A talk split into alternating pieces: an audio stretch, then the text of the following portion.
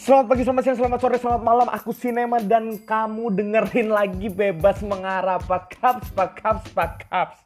Halo, halo. Eh, yang lagi nyiapin sarapan apa kabar gitu. Hati-hati ya.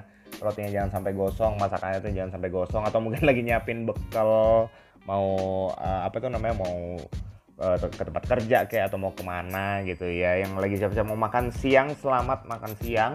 Dan yang mau istirahat malam atau mungkin mau makan malam dulu ya hati-hati. Karbonya jangan kebanyakan juga gitu secukupnya aja biar tidurnya bisa lebih nyenyak.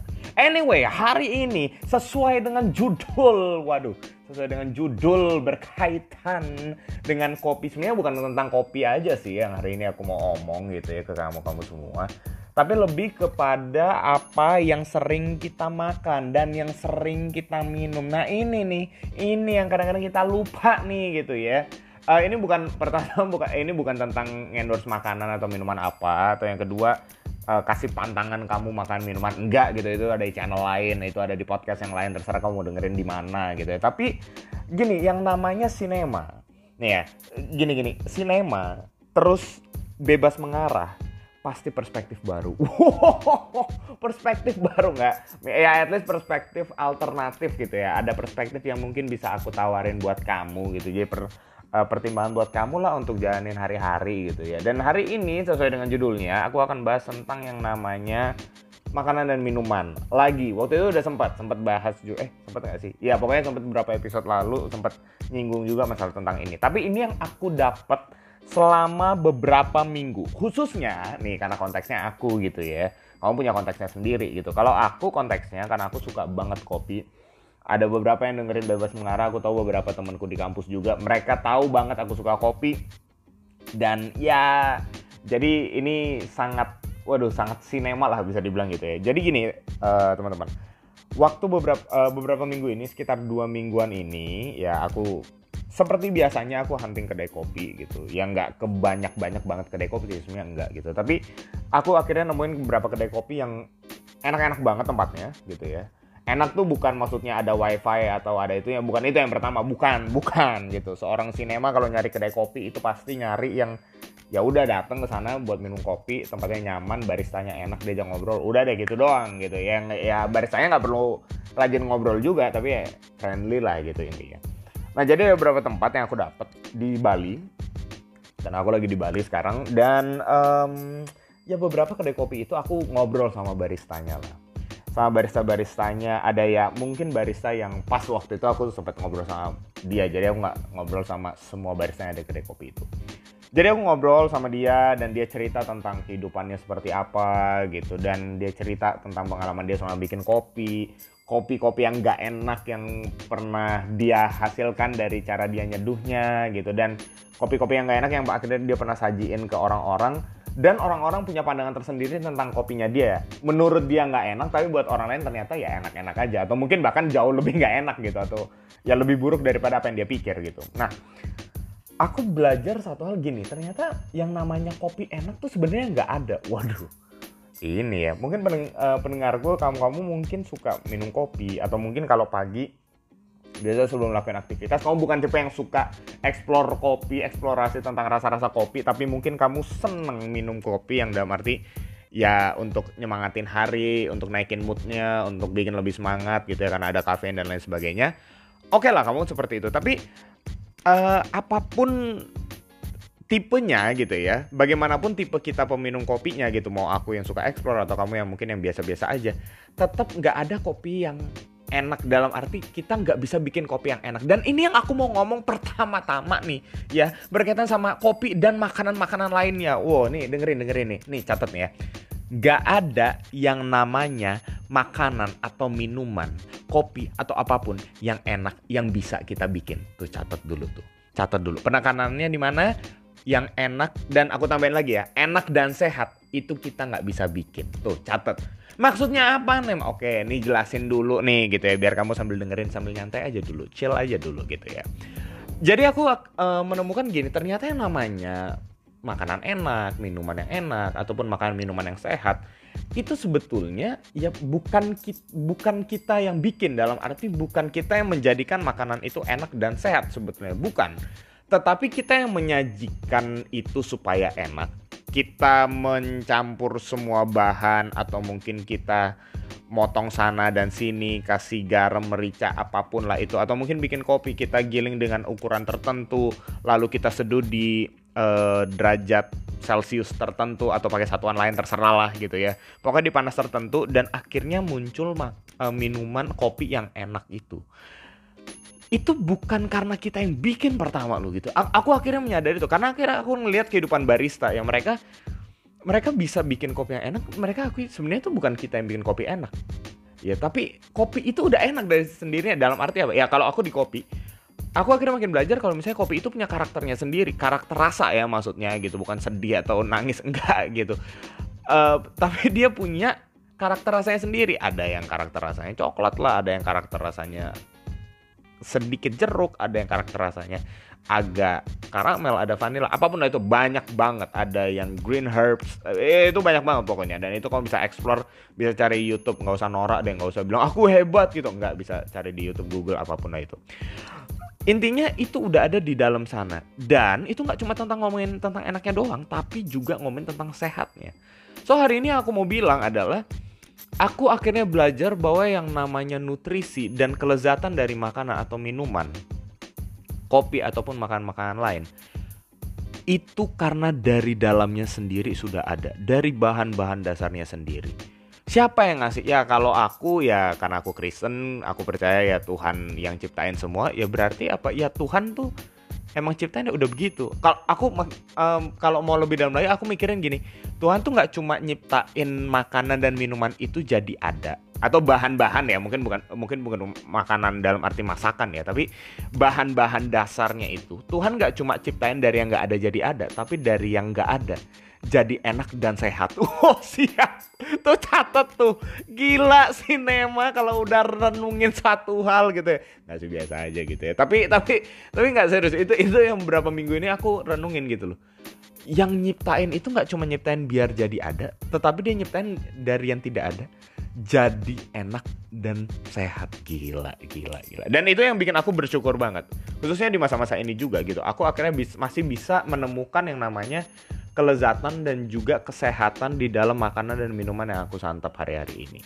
Dan itu jadi satu ya aku secara aku nggak tahu kamu gimana gitu ya, tapi aku secara pribadi penghiburan buat aku. Kenapa? Karena akhirnya aku belajar nggak perlu apa ya keluarin tenaga yang cukup banyak atau mungkin uh, ngeluarin duit yang cukup banyak untuk dapetin makannya enak dan lezat itu. Karena pada dasarnya dari bahannya itu sendiri udah ada. Oke okay lah kalau misalnya enak kita bisa ke restoran lain gitu ya. Tapi kalau yang namanya sehat gitu ya, sehat itu akhirnya ya dari bahannya itu sendiri. Asalkan kita tahu. Nah makanya di masa-masa ini rebahan jangan cuma uh, diem-diem doang nongkrongin uh, Gojek, GoFood, Grab doang gitu. Tapi ya search juga mungkin bisa bahan dasarnya apa nih kita bisa tahu kesehatan uh, apa kandungan yang ada di dalam bahan-bahan itu gitu ya. Akhirnya kita bisa dapat makanan yang mungkin harganya relatif lebih murah tapi justru lebih sehat daripada makanan yang sebelum-sebelumnya kita pesan. Oke, itu yang pertama. Lanjut yang kedua. Yang kedua, ngomongin tentang makanan dan minuman itu tidak hanya bicara tentang yang namanya kandungan yang sudah ada di dalamnya dan kita yang tidak bisa membuat makanan enak dan sehat itu. Nah, ini yang kedua yang aku mau ngomong nih. Ini nih, nih catat ya. Yang kedua adalah kalau misalnya nggak ada makanan yang enak dan sehat yang bisa kita bikin pertama-tama gitu ya. Ya aku yakin kalau kita misalnya belajar masak kita bisa membuat makanan yang sehat. Iya, tapi pertama-tama bukan karena kita gitu loh. Kalau misalnya pertama-tama bukan karena kita, itu berarti tugas kita selanjutnya adalah membagikan kelezatan dan kesehatan itu. Wah, gila. Sinem sinema aduh jangan dong please kata-katanya. Aduh, gila enak banget didengarnya. Oke, catat dulu deh ya biar biar bisa diingat dulu gitu. Siapa tahu jadi inspirasi buat kamu. Maksudnya apa, Nem? Gini aku jelasin. Jadi uh, waktu aku lihat akhirnya barista-barista itu mereka menyajikan kopi gitu ya dan ya orang-orang lain yang aku datang ke restoran dan aku lihat tukang mas apa juru masaknya dia uh, meramu semua bahan yang ada di depannya itu dan akhirnya bisa jadi makannya enak dan lezat aku akhirnya belajar oh ternyata orang-orang yang seperti ini mereka itu ya orang-orang yang menyajikan aja. Mereka membagikan. Dalam arti ya mereka mempersiapkan buat kita supaya kita bisa dapetin enak dan sehat dari makanan itu gitu loh. Aku ambil contoh.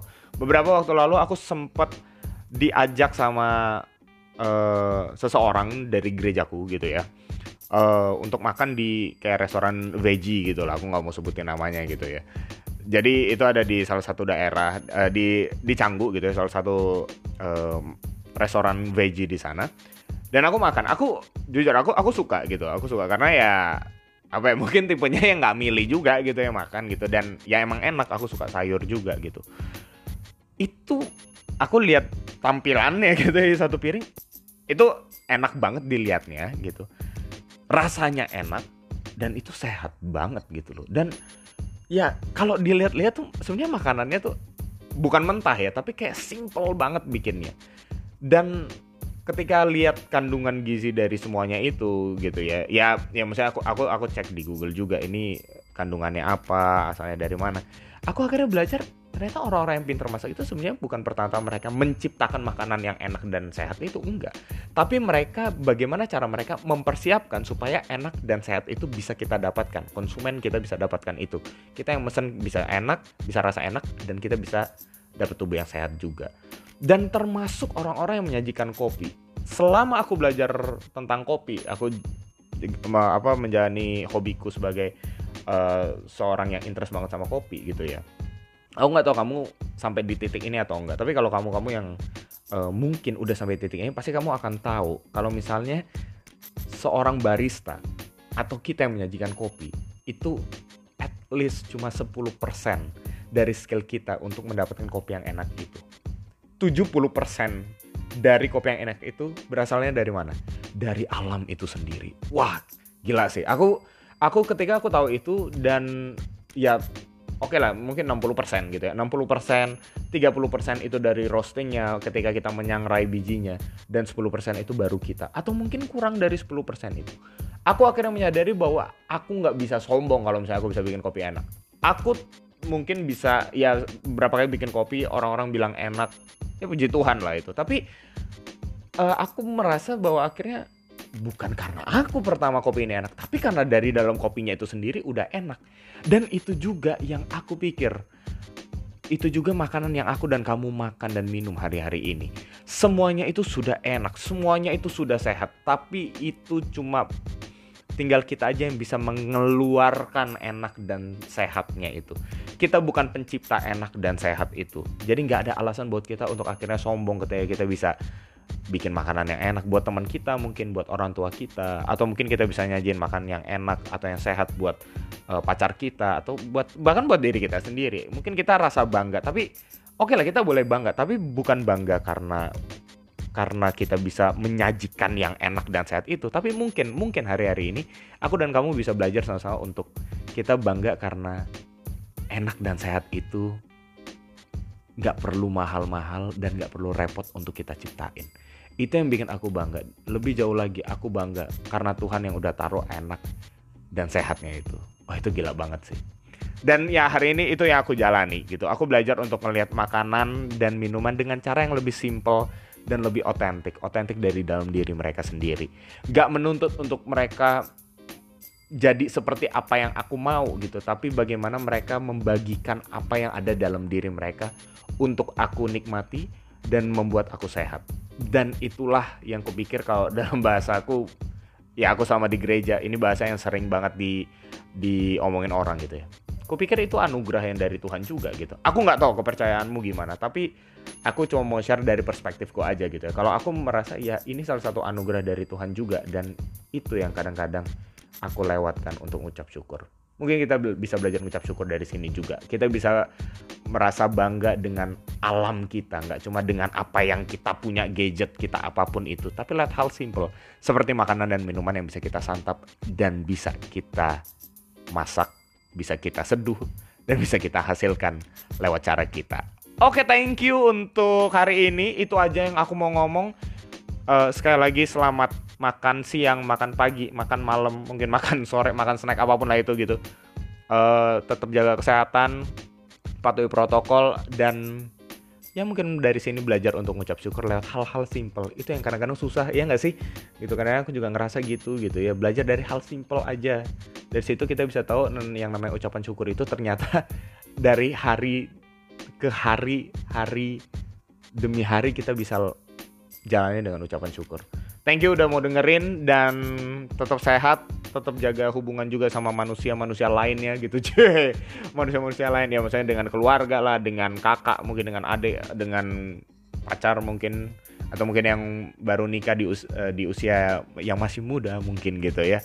Uh, selamat atas pernikahannya, tetap jaga relasi yang baik, selamat mem bukan membangun ya, tapi aku lebih suka pakai istilah selamat uh, memulai perjalanan yang baru bersama pasangannya juga. Thank you udah mau dengerin. Tetap jaga kesehatan. Eh udah ya itu jaga kesehatan. Oh tetap ini tetap jaga fokus deh ya gitu karena beberapa hari ini aku juga dapat berita ada orang-orang yang juga mulai stres gitu ya mikirin nih ke depannya gimana gitu. Ya tetap jaga fokus dan ya sebisa mungkin bangun relasi sama orang-orang lain juga mungkin mereka bisa bantu kamu-kamu juga yang mungkin dalam keadaan yang sulit saat ini. Thank you sekali lagi. Akhir kata bebas sambil mengarah, bebas untuk mengarah, bebas mengarah. Bye bye.